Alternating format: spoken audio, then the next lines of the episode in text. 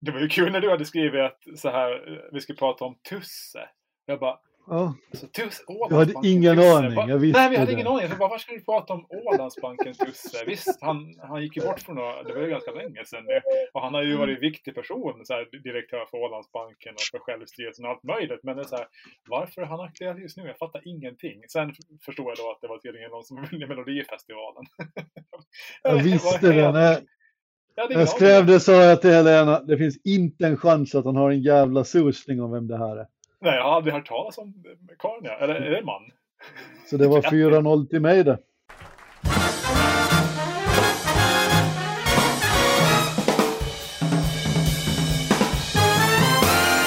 Bra, då säger vi hej och välkomna till avsnitt 22 av Ålands eh, Handel. Jag heter Fredrik Rosenqvist och med mig har jag som vanligt Jörgen Pettersson. Hur är läget Jörgen? Denna dag kan man inte podda utan att prata om vädret, för utanför det fönster där jag sitter vid Ålandsvägen och där en ambulans för övrigt precis just nu kör förbi, så lyser solen på ett sätt som gör mig nästan lite tårmild. Allt är ganska bedrövligt i världen till följd av pandemin, men vädret har ingen lyckats rå på än så länge. Så därför så hoppas jag att alla, när ni har lyssnat på den här podden, eller medan ni gör det, går ute i naturen och ser. Mm, Det är min Låter hälsning. bra. Ja, jag gick på en, eh, en timmes lång promenad i morse här. Det var jätteskönt i, i solen. Bra. Eh, idag så ska vi prata om, förutom väder, ska vi prata om eh, vaccinstoppet i Europa. Eh, programledaren som skapat skandal. Världens hetaste spelaktie någonsin. Eh, varför alla pratar om bitcoin. Varför det är en lönlös med stockpicking. Besök från yttre rymden. En stor uppfinnare. Och en dramatisk räddningsaktion i Tyskland. Hur låter det? Det låter fantastiskt. Inte att förglömma att vi ska avslöja med våra vanliga hyllningar. Yes, Den här så... gången gör ingen besviken. Ja, nu åker vi. Det här tar väl typ tre timmar, men det, det går säkert bra. Du, ehm, ett av, eh, eller nästan alla länder i Europa har, har stoppat AstraZenecas vaccin har jag läst här nu. Tyskland, Italien, Spanien, Frankrike, eh, Sverige, eh, Norge eventuellt, Danmark. Alla utom Finland snart. Eh, och orsaken är att man är rädd för att eh, det här vaccinet kan leda till eh, blodproppar, heter det va? Va? Vad tänker du om det här? Det var dåliga nyheter för AstraZeneca. Jag gissar att det är oundvikligt för det här vaccinet har tagits fram så snabbt att man har kanske inte kunnat testa precis allting. Ändå, trots, och det säger all rapportering, trots det som har hänt så överväger ändå fördelarna rejält nackdelarna. Mm. Jag tror man ska se det som helt vanliga försiktighetsåtgärder.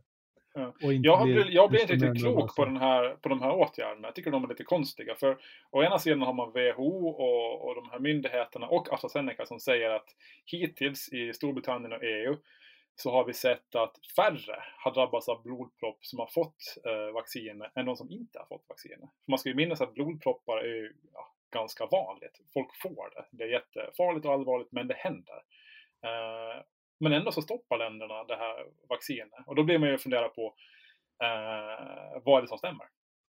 Det blir man ju lite oroad över. Att det ska vara det här då, att det orsakar blodproppar. Det ska ju vara väldigt dåligt. Men eh, enligt WHO så är det, ju, är det ju lugnt. Men de ska ju ha möte idag tror jag, läste nu och diskutera den här saken. Så att det är ju om de här individuella länderna har annan data som skiljer sig från den från AstraZeneca och WHO. Men det låter ju väldigt märkligt det där. nu med risk för att bli sån här eh, amatörepidemiolog som alla andra nu för tiden, så, så kanske man ska tänka så här. Sen ett år tillbaka, idag är det för övrigt ett år sedan Birka Stockholm lämnade Stockholm och la sig i Mariehamn. Jämte ett år sedan idag, bara som lite värdelöst vetande.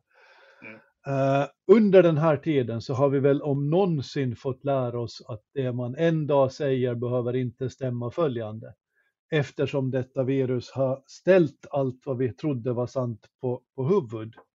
Jag tycker att det här är följd i färja. Det Ja. finns inget enkelt svar på en svår fråga. Nej. Nej, och, men jag vet inte, det ska bli intressant att se vad Finland gör nu. Jag tycker ju att man borde fortsätta med, med vaccin eh, och undersöka saker, med, saker medan man håller på. För man ska ju minnas att även om det är så att man får en förhöjd eh, risk för blodproppar så om man inte tar vaccinet så får man en förhöjd risk för, för covid-19. Eh, Mm. Jag tyckte Knut Rönnroth förklarade det där väldigt bra. Så ja, jag är lite förvånad över att länderna är så här snabba på avtrycken. Men får ju hoppas att det inte är något problem med det där vaccinet, för det skulle ju vara himla tråkigt. Men jag tror inte det ska vara det. det ja, Historien har ju visat sig att länder gör olika bedömningar. Det som ett land bestämmer sig för så gör inte nästa land. Och, mm. och, det är väl bara helt enkelt för att länder består av människor och människor gör olika saker och svårare än så är det inte sist och slutligen. Ja. Ja. I Finland fortsätter man än så länge. Ja, man kanske är lite mer evidensbaserad där. Jag gillar det som Knut sa, för att man ska ju komma ihåg att bara för att någon får en blodpropp efter att man har tagit eh, ett vaccin så betyder det inte att det, att det finns en kausalitet. Det kan ju hända att man skulle ha fått en blodpropp ändå, för det får man ju. Så, oh, så, det, så, det. Jag, så det är bra att, att man går på, på fakta. Eh, bra, eh, nog om vaccin, vi följer utvecklingen där. Eh, du ville prata lite grann om Piers Morgan, en, en programledare som har skapat någon sorts skitstorm, om man får säga så. Va, vad är det han har gjort och, och, varför gjorde han så som han gjorde? Ja, varför han gör saker, det vet nog ingen människa. Men, men jag och Piers Morgan, vi råkar vara exakt jämngamla, nästan på dagen. Uh, jag har följt honom som tidningsgubbe. Han, han var en, en extremt påhittig tidningsmakare. En av de främsta som har funnits och han, har, han skriver väldigt flytande och skoj. Han, skrev, han har läst tror jag nästan alla hans biografier. En hette eh, Don't you know who I am? Där han berättar om inside från sin tid som chefredaktör för News of the World och Daily Mirror och alla de där. Han är fullständigt hejdlös, men dessvärre också rätt hänsynslös, vad det verkar som. Han har gjort en karriär, han blev sparkad nog tror jag från nästan alla sina chefredaktörsuppdrag för han var lite för djupt insyltad i en avlyssningsskandal i Storbritannien på den tiden när tabloidtidningarna inte drog sig för så mycket för att uttrycka det lite försiktigt. Då var om, man är det min, om man är det minsta insyltad i en avlyssningsskandal kan jag tycka att det är för djupt, men okej. Okay. Ja, de, de, hade ett lite speciellt sätt att betrakta avlyssningsskandaler i Storbritannien på den tiden. Ja. Hur som helst så har han sen gjort en karriär också i, i USA. Och nu senast så har han varit eh, programledare för någonting som för ett, eh, Piers Morgan har varit som, som programledare för ett frukostprogram i, i brittiska ITV har jag en känsla av att det var. Uh, och där har han varit uppskattad sådan nu i ett sex års tid möjligen. Men han, han var tidigare kompis med, med Meghan och Harry som då gjorde sin stora tala ut-intervju förra veckan för, för Oprah Winfrey. Uh, nu, nu har Piers Morgan då som verkar vara en royalist, en sann royalist, ruttnat på detta rejält och säger att vad beträffar Meghan Markle och prins Harry så tror han inte ett ögonblick av någonting vad de säger. Och, och det där förorsakade klagomålsstorm, vilket gjorde att han blev sparkad på stående fot eller sa upp sig, det är lite oklart. För han vägrade be om ursäkt för att han hade sagt att hon är en lögnare. Du hör, det här är Storbritannien i ett nötskal egentligen. Mm.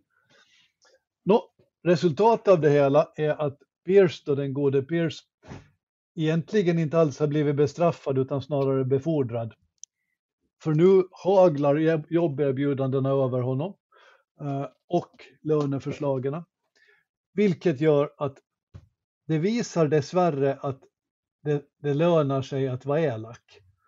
Och det tycker jag att kanske inte riktigt är den rätta vägen att gå här i världen man kan väl tycka vad man vill om denna intervju och den kanske var tramsig och den var kanske banal och den var kanske riggad. Men, men man kan inte vara elak mot folk för att de öppnar sig om sina känslor. Det kan man faktiskt inte vara. Nej. Nej, men jag, sen tror jag säkert att jag tror många står på hans sida. Även fast han, han var elak, att de tyckte att den här intervjun var konstig och att det var himla märkligt att hon fick eh, säga alla de här sakerna utan att hon fick några följdfrågor från, från Oprah. Mm. Uh, och, då, och det är också sådär, man, man får inte riktigt ihop logiken heller. De vill vara i fred från, från pressen och, och från det här liksom, rampljuset och avsäger sig sina kungatitlar och det första de gör är att sätta sig i soffan hos Oprah. Det är ju inte som att man skyr rampljuset då. Så att, Nej, så är det ju. Det finns en massa lösa trådar i den här intervjun, det är det. Men, men hos mig så fastnar det ganska mycket att ett av skälet till att de gör denna intervju är att de ska tjäna pengar för att ha råd med, med livvakter. Och då kan jag tycka synd om folk faktiskt, för det, det, han är född till detta. Han har inte bett om att få det, han är född till det. En vanlig pojk som har blivit född till att bli prins och då vill folk ha ihjäl honom och då måste han ha livvakter. Jag, jag kan tycka att det finns många bottnar i denna soppa. Ja, absolut. Kul att du nämner alltså Piers Morgan och sådär, för när man pratar om, om tidningar och, och journalistik och, och, skrivande så tror jag att uh, många är inte helt medvetna om hur långt framme de här brittiska och, och amerikanska tidningarna och mediehusen och, och skrivandet ligger jämfört med ja, men här och framförallt i övriga delar av Europa. Det är ganska häftigt. Jag som inte är en superanglofil har inte så superbra koll på dem, men de är ju verkligen långt framme, är väldigt duktiga sådär. Tyvärr då är de ganska elaka också. Och det är ofta den bilden vi har av, av brittisk press, att de är så himla elaka. Och det är de. Uh, men de är också väldigt duktiga. Så. De är ju extrema rubrikmakare, rubrikmakare där. Mm. Brittiska tabloiders rubriker, de slår allas. Utom möjligen Ålands Handel. Men Utom möjligen Ålands Handel. Vi är, vi är lite, lite långt eh, före. Nej, jag tänkte på det själv att när jag, när jag har, jag har läst italienska tidningar en hel del. Och där känns det som att de ligger efter oss och vi i sin tur ligger efter ja, de här anglosaxiska tidningarna. Eh, jag upplever att Sverige ligger före lite grann de i Finland och så. Så det är intressant. Du, eh, Roblox har varit den stora snackisen här nu eh, den senaste veckan. Eh, och jag skulle vilja påstå att det är det hetaste spelbolaget någonsin. Eh, de är nu noterade på USA-börsen efter en sån här direct listning och det blev stor succé. De är värda mer än något annat spelbolag i hela världen, typ. Och alla i hela världen under 12 år spelar just nu på, på Roblox och de ska ta över hela världen nu. Har du hört talas om det här bolaget och vad tänker du om det? Eh, det här är motsvarigheten till eh, de där små runda bollarna som kom från Japan som hette någonting för som alla gick runt och letade efter. Tamagotchi eller Jojo eller Pokéball? Tamagotchi, Pokémon. Är det här motsvarigheten till Pokémon? Jag skulle säga att det är mer motsvarigheten till Minecraft. Uh, det här är, och det här det som gör det som jag tycker är så spännande, att det här är ingen, inget alltså, spel. Eh, det är ett spelbolag, men de gör inga spel. Eh, det är så att användarna gör spel, det vill säga i första hand barn och unga. De går in på den här plattformen och bygger eh, sina egna spel. Vissa, eller de flesta spelar ju bara. Men vissa som är duktiga och ambitiösa och, och flitiga och kreativa, de, de bygger egna spel på den här sajten. Så alla de här 20 miljonerna spelen som finns att spela där, de är byggda av eh, ja, men, vanliga användare, oftast barn och unga. Och det är ganska eh, häftigt, får jag säga. Helt nytt sätt det är, att, Det där är fascinerande, just när man börjar tro att man kan alla affärsmodeller så dyker det upp någon som man aldrig hört talas om. Nej, och den här affärsmodellen är egentligen den mest briljanta av alla. Du var inne på den för några avsnitt sedan när vi pratade om Facebook. Att idén med mm. Facebook är ju att Eh, och idén med YouTube och många av de här som har blivit världens största, det är att de skapar inget eget innehåll. Det är användarna som gör det. Eh, på Facebook så är det tidningshus och privata användare och företag som fyller Facebook-flödet med intressant innehåll. De gör ingenting, de bara har en plattform. Och sen kan de ta betalt för det. Det är samma sak med YouTube. Det är inte så att Google sitter och producerar videos till YouTube, utan det är eh, vi, alla, som gör helt fantastiska, härliga videos. Samma sak med Instagram och Twitter och allting sånt där. Det är användarna som skapar innehållet på en plattform och plattformen tjänar pengar på det här. Och det här är den, den liksom optimala affärsmodellen för att det är liksom någon annan som gör jobbet åt dig och du kan tjäna hur mycket pengar som helst, speciellt om det blir liksom monopol på det här som Facebook och, och Youtube har blivit. Så att, och nu tror jag att Roblox kommer att bli den här stora monopolen när det gäller spel. Att man kommer att ha miljontals, miljontals kids världen över som kommer att sitta och göra spel åt dem. De behöver inte göra spel själva, eh, för det är väldigt dyrt att göra spel. Det tar många herrans år. Sen floppar de och man har satsat många herrans miljoner på det. Istället så gör andra det åt det och du tar betalt. Helt briljant. Roblox, lägg det på minnet. Eh, en spaning, du nämnde några av de här som inte äger själva utan drar nytta av användarna. Mm. Där har du Uber, du har Airbnb. Ja. Som egentligen här, gör, ja. gör, samma sak. alla de här nya, nya affärerna, det är därför de är så hypade och så högt värderade. För man, man ser att de oändligheterna är, eller möjligheterna är oändliga. För du kan hålla ner kostnaderna så mycket men samtidigt så intäkterna kan bli eh, hur stora som helst. Och det kan ju, dels så kan man ju vara kritisk mot det här, men det är också ganska eh, bra på ett sätt. För att um, de tjänar ju pengar de här Roblox på att uh, kidsen köper sådana här skins, roliga hattar och dräkter till sina karaktärer i det här. Och det kan man tycka man vill om. Ska barn lägga pengar på det här, på att köpa digitala saker? Men sen kan också barn, unga och vuxna som är duktiga på att bygga spel eh, tjäna pengar i den här plattformen. På samma sätt som duktiga YouTubers och duktiga Uber-chaufförer och duktiga, eh, alltså vad som helst, eh, Instagram-fotografer eh, kan eh, tjäna pengar på sin passion. Må det vara att fotografera, bygga spel, göra videos. Och det tycker jag är ganska härligt. Det blir ju lättare om du är en ung person som älskar och är duktig på att bygga spel att göra en karriär på det. Och det tycker jag är den positiva sidan av det här. Negativa sidan är när folk trillar dit och alltså spenderar alldeles mycket pengar på virtuella cowboyhattar. Men... Men du, innan vi släpper den här diskussionen, ja. den, det finns en intressant vinkel i det där. Viking Line var ju sin tids Facebook eller Uber, sin tids Uber i vart fall. Viking Line var från början ett marknadsföringsnamn där man samlade tre rederier som ägde fartygen. Det finns någon slags parallell här mellan den så kallade gamla ekonomin och den nya, där vi säger att Uber som är världens största taxibolag utan att äga bilar, där vi säger Facebook är världens största mediasajt utan att eh, producera innehåll och så vidare. Så hade ju egentligen varit förr också. Viking Line mm. var ett mycket framgångsrikt rederi utan att äga ett enda fartyg. Absolut. Uh, skillnaden nu är väl att du som Facebook och, och de här bolagen, du kan nå hela världen tack vare internet. Du, du behöver inte vara liksom på en plats utan du kan vara uh, på hela, hela jorden samtidigt, på internet. Du når alla. Uh, och det är det som gör det så, så himla stort. Här. Så ja, kanske Ålands Handel ska börja med att våra läsare skriver artiklarna, annonsörerna betalar och vi bara chillar.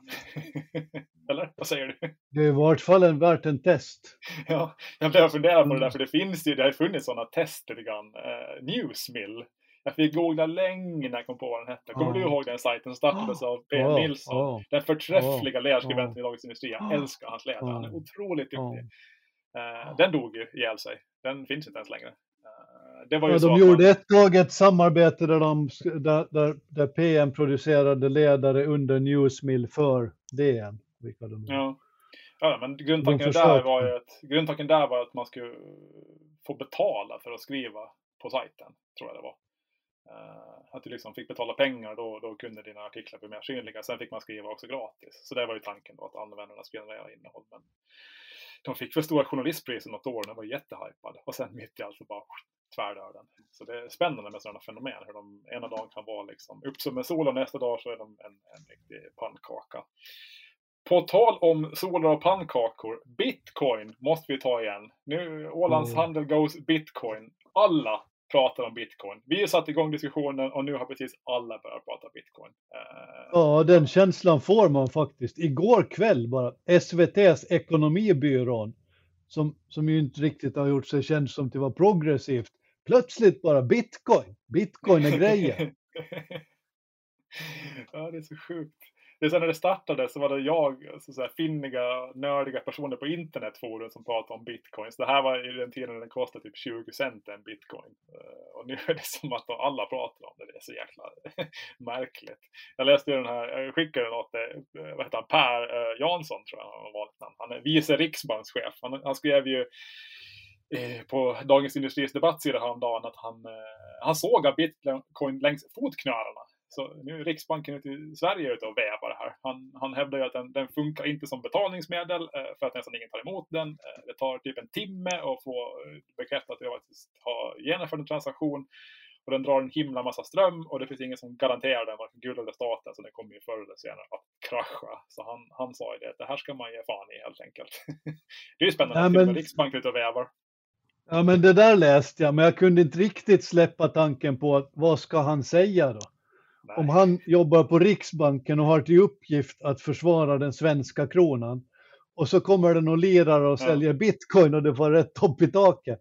ska han säga, nej men det där är bra, kör, gå, kör på bitcoin ni bara för allt vad det går. ja, det skulle... Århundradets Jag tycker det är lite för... Någon, ja. Just det, men riksbankschef skulle säga köp, för du, gå in. Ja. Nej, men det är vårt monetära system, vi håller på att paja det, så att det är lika bra att ni köper bitcoin nu. Exakt, bara för att jag för säkerhets skull. Ja. Ni behöver inte köpa allt, men hälften av portföljen borde vara bitcoin. Ja. Sen, sen tycker jag, alltså jag håller ju med om många av hans grundargument. Bitcoin drar alldeles för mycket ström. Uh, och det funkar inte som betalningsmedel idag, vilket var tanken från början. Jag, för jag vet, för jag har ju diskuterat på internetforum om bitcoin sedan tidernas begynnelse. Då var ju poängen att du skulle kunna betala med bitcoins. Det gör ju ingen idag. Idag ses det snarare som någon sorts värdebevarare. Och det kanske visar sig att det funkar, man hamnar i ett skeptiskt del i och med att det inte finns någonting i botten. Uh, så jag tycker det är konstigt. Jag måste säga att jag har svårt att begripa den nya ekonomin där en elbilstillverkare som är alldeles för högt värderad. Sitter på en gigantisk kassa som man sätter in i bitcoin och Mm. man förlorar hundratals miljarder förra veckan för att fyra dagar senare vinna hundratals miljarder. Det, Mm. det är inte enkelt att hänga med numera. Nej. Så det är vilka nya titlar de har fått, eh, eller gett, gett sig själva i Tesla. Um, finanschefen och, och, och Elon Musk själva har gett sig själva nya titlar. Så nu heter finanschefen i Tesla Master of Coin. Ja. Det är lite så här, dels spel på bitcoin men också på Game of Thrones så finns det en Master of Coin helt enkelt. Och jag som Ja. tyckte att Pokémon var komplicerat. Ja, det, det är ingenting.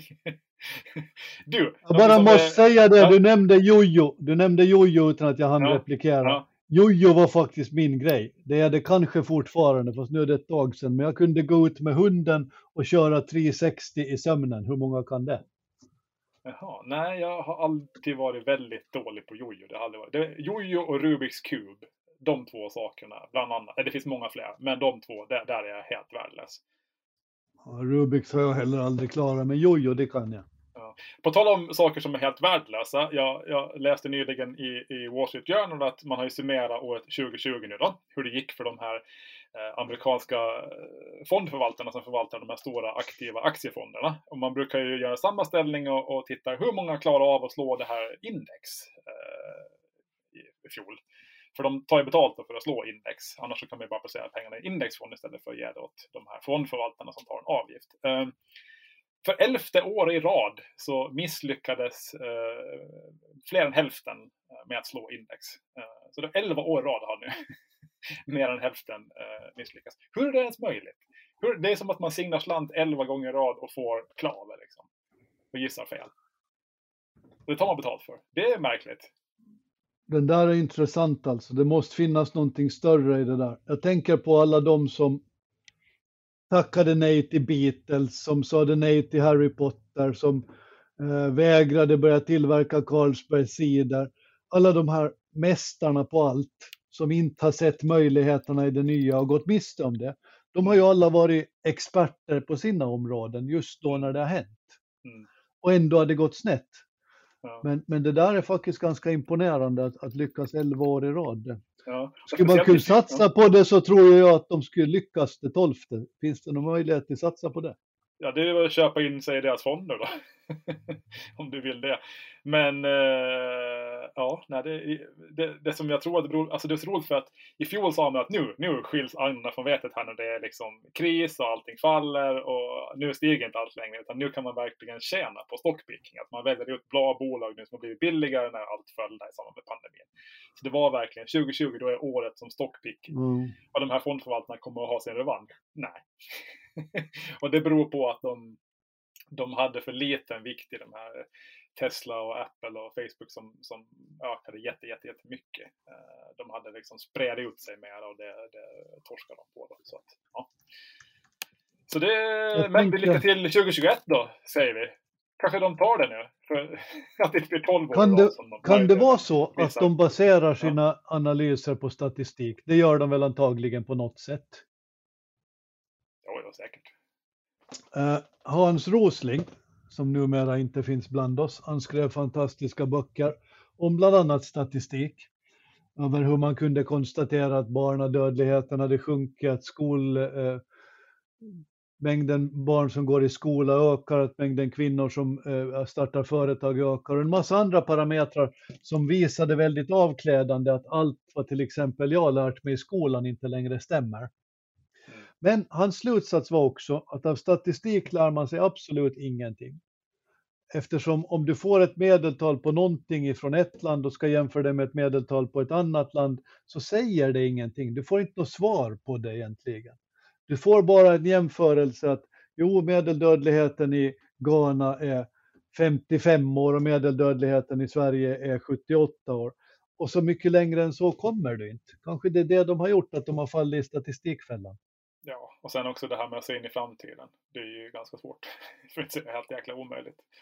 Eh, men med detta sagt så försöker jag själv se in i framtiden. Jag ägnar ju också med stockpicking. Jag fick ju en skärmdump på mitt lilla Excel-ark häromdagen åt dig.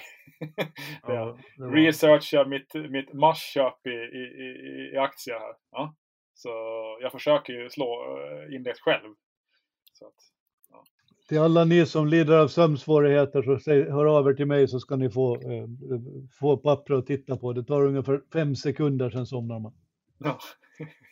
Ja. för att inte få Finansinspektionen efter mig så måste jag väl säga att jag har, jag har köpt in mig i Roblox. Så att jag, jag sitter lite så här, vad heter det? Jag, jag pratar lite egen sak. Nu pratar väldigt gott om Roblox. Så att, ja, jag har köpt in ah, du snackar upp kursen?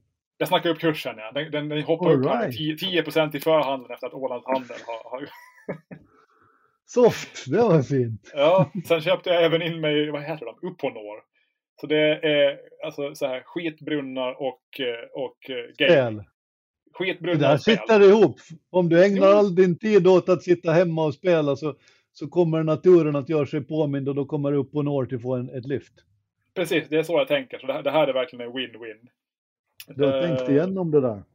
Bra. Uh, sen ska vi prata yttre rymden. Det finns inget eh, Ålands Handel avsnitt är ett Ålands Handels avsnitt utan lite rymdtema. Och här hade vi någonting om vetenskapsman och Hawaii och någon meteorit eller vad det nu var. Berätta, vad, vad var det du ville få sagt med det här? Ja, men vad säger man?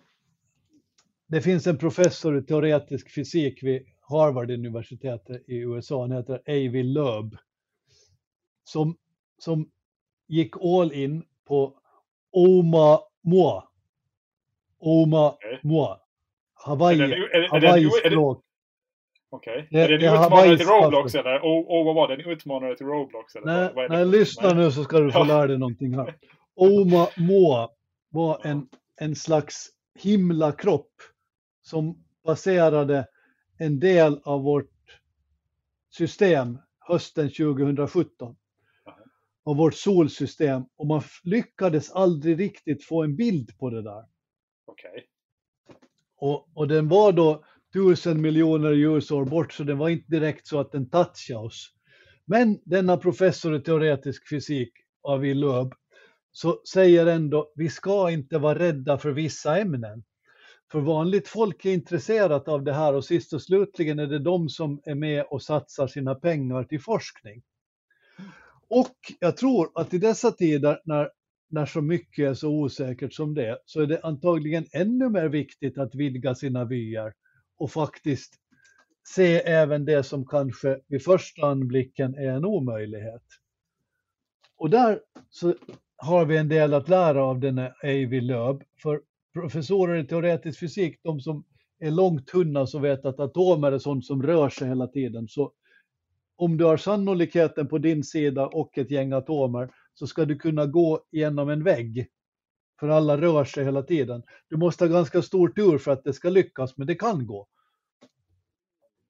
Och, och det här lyfter Avi Löb. Han lyfter vikten av att resonera kring det omöjliga. Eh, och Oma Moa kommer vi aldrig att få reda på vad det handlar om.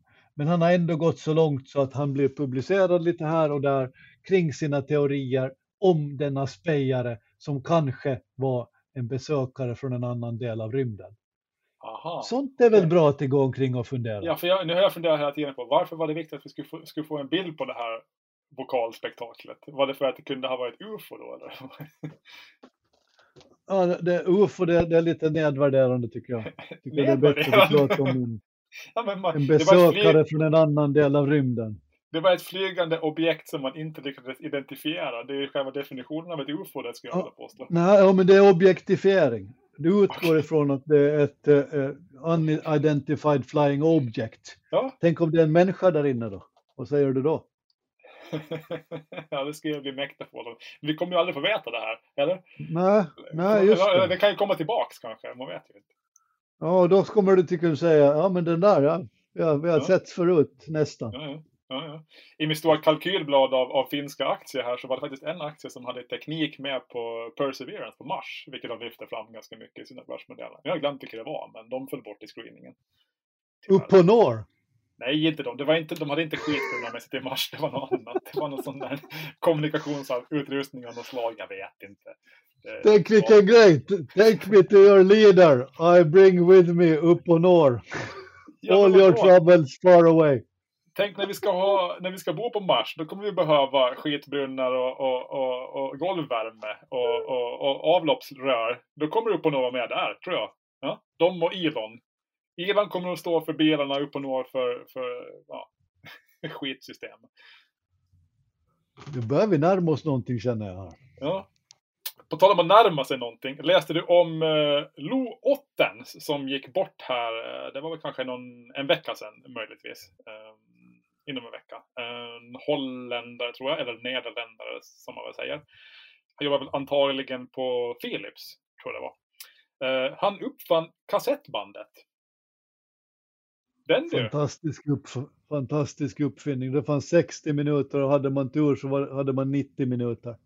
Exakt. Eh, jag är ju så här kassettbandsgeneration när man var ung på 80-talet, början av 90. Sedan kom där bara på 90-talet, men kassettbandet det är Ja, det har en speciell plats i min, min, eh, mitt hjärta. Um, däremot var väl inte Philips som första att uppfinna, alltså vad heter det? Walkman. Alltså Sony- en bärbar kassettspelare. Ja, det var ju Sony, så de var ju för. Ja. Men eh, den var europeisk kassettbandet, det var en europeisk uppfinning. Den höll ju sig väldigt länge, alltså kassetten. Och den fick väl en liten comeback för något år sedan. Den är lite het igen. Eh, först var ju det vinylskivorna som var heta, nu är ju kassettbandet ganska hett. Säljs ju väldigt mycket kassettband fortfarande faktiskt. Alltså musik på kassettband. Jag undrar om de är, är, är, är mer pålitliga i dagens läge. Mitt minne av dem var att man rätt ofta fick sitta med en blyertspenna och snurra in det där för att det har farit ut i. Ja, och då problem, andra problem är att de håller väl inte heller. De, de tål inte riktigt tidens tand, de här kassettbanden. Musiken på dem förstörs. En vinylskiva håller väl hur länge som helst, det kan väl också en CD-skiva göra. Eh, Så kassettbandet i sig är ju ganska värdelöst, men ändå bra. Tycker jag i alla fall. Men Eh, tänk hur det har ändrats. Tänk Ja. hur det har ändrats alltså. Ja, under min tid så hade man ju, hade man ju först vinyl eh, och sen var det kassett. Sen kom det CD-skivor. Eh, och sen kom det så här MP3 eh, och eh, minidisk. Det kom ju ungefär samtidigt. Och sam, så kom det ju MP3-spelare och nu hade ju kommit då streaming. Vi streamar vår musik. Och jag blev fundera på när jag, när jag läste om eh, den här kära Lo 8 att är utvecklingen slut nu vad gäller musik? Alltså mediet. Eh, kommer det inte komma någon ny grej nu? Kommer det vara streaming? Det kommer inte komma någon, något nytt som, alltså nytt i meningen en, kassett eller en CD-skiva eller en MP3-fil eller vad som helst. Är det slut nu? Och det är lite sorgligt, eller? Vad tror du? Man har ju svårt till förstå det där, men, men å andra sidan inte förstår jag nog heller aldrig riktigt att vi skulle få telefoner som man eh, pekar på med fingrarna och så händer det grejer. Ja. Eh, eller att jag inte skulle skriva texter på en gammal facit. Mm. Det, det har ju hänt så enormt mycket och, och ingenting är egentligen sånt som man har kunnat förutse. Nej. Jag tänkte att man kanske jag sa samma sak när CD-skivan kom att det här kommer ju aldrig, nu kommer det aldrig hända någonting mer. Inte tror jag man kunde förutspå att vi, kunde ha, att vi skulle ha strömmande musik då.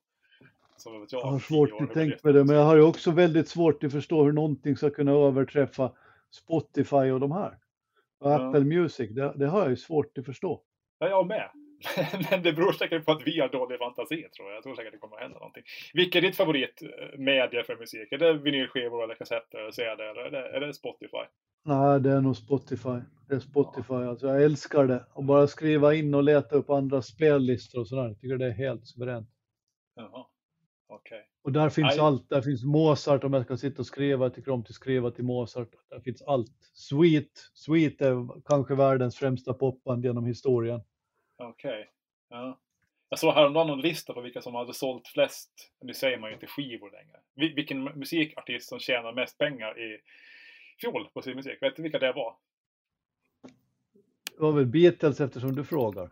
Nej, det var ett eh, koreanskt band som jag glömt bort vad heter. Jo, de, jag vet dem. vad heter de där? BDO? Nej, det, det är Alexander Bard. Jag kan- Ja, det har jag glömt bort. har jag glömt Taylor- bort. Men de Taylor är Swift- jättehäftiga. Ja, man är så jävla gammal. Man har aldrig Alltså- hört talas om dem. De är världens mest sedda artister från Korea. Man bara, ja, jag vet inte vad det är De är jätteroliga att se på. De har ver verkliga shower fast jag inte kan uttala namnet på dem. Du. Sydkorea är en tungviktare när det kommer till populärkultur. Såg du Parasit? Filmen som vann Oscar häromåret. Nej, jag har inte gjort det ännu. Jag har, Den måste jag, du se. Du ja, måste se den. Den är Ja. så jäkla bra. Ja, ja, jag ska, jag ska göra det. Jag det Sydkorea kan vara ljuset i, i, i vårt mörker. Mm, jag är lite skärrad fortfarande. Det var när jag bodde i Singapore så skulle jag och en kompis och få se på en film. Eh, Men det tar alltid så jäkla tid att ta sig någonstans i Singapore. Det, är- ja, det är storstad och sådär. Så vi kom för sent så, till den filmen vi skulle se. Så då tog vi en annan film istället som råkade börja då. Och det var en koreansk skräckfilm. Alltså jag har ju inte hämtat mig nu från den där jäkla skräckfilmen. Jag är ju livrädd för att släcka lampan. Så dess har jag haft ett lite så här känsligt, eh, känsligt förhållande till koreansk film. Jag lite så här, hyser lite agg mot de koreanska filmskaparna för att det har förstört mitt liv. Du, du, du, måste, du måste reclaim the, the life. Mm. Jag tror den hette spår Tale of, two, Tale of Two Sisters tror jag den hette på engelska. Eh, Vad den hette på koreanska det vet jag inte. Men det kom ju en, en hel drös med de här You On och de där som bara... Ja, ja, ja. Ja. Det där är ganska festligt. När jag på 70-talet såg jag en film som hette Fantomen från Mars. Den, den, den gjorde att jag aldrig sedan dess har sett en skräckfilm. Det är ganska kul egentligen. Ja, ja. ja, jag hade lite samma med Poltergeist. Det, det var, usch. Ja. ja, men skräckfilm är roligt, men ja, det, man börjar bli för gammal för sånt nästan. Eh, sen ville du, du prata om, något som händer i, är det Tyskland? Eh, något rederi, någon räddningsaktion. Vad handlar det om? Ja, det där är en ganska stor sak egentligen. Ja. Eh, Det har helt gått mig Men- förbi, men nu, så nu är jag nyfiken. Ja, det, det är Agenting så är, är det som en gång började som Star Cruises som en gång började med att man köpte slitets konkursade fartyg. Eh, uh, Genting så har vuxit över åren.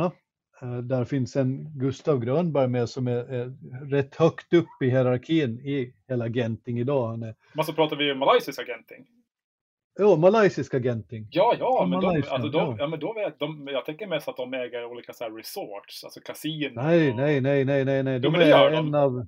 Ja. Det gör de också, det gör de också, Ja. men de hör till eh, en av, av de stora kryssningsrederierna efter, efter eh, de här Carnival och, och Royal Caribbean och de här.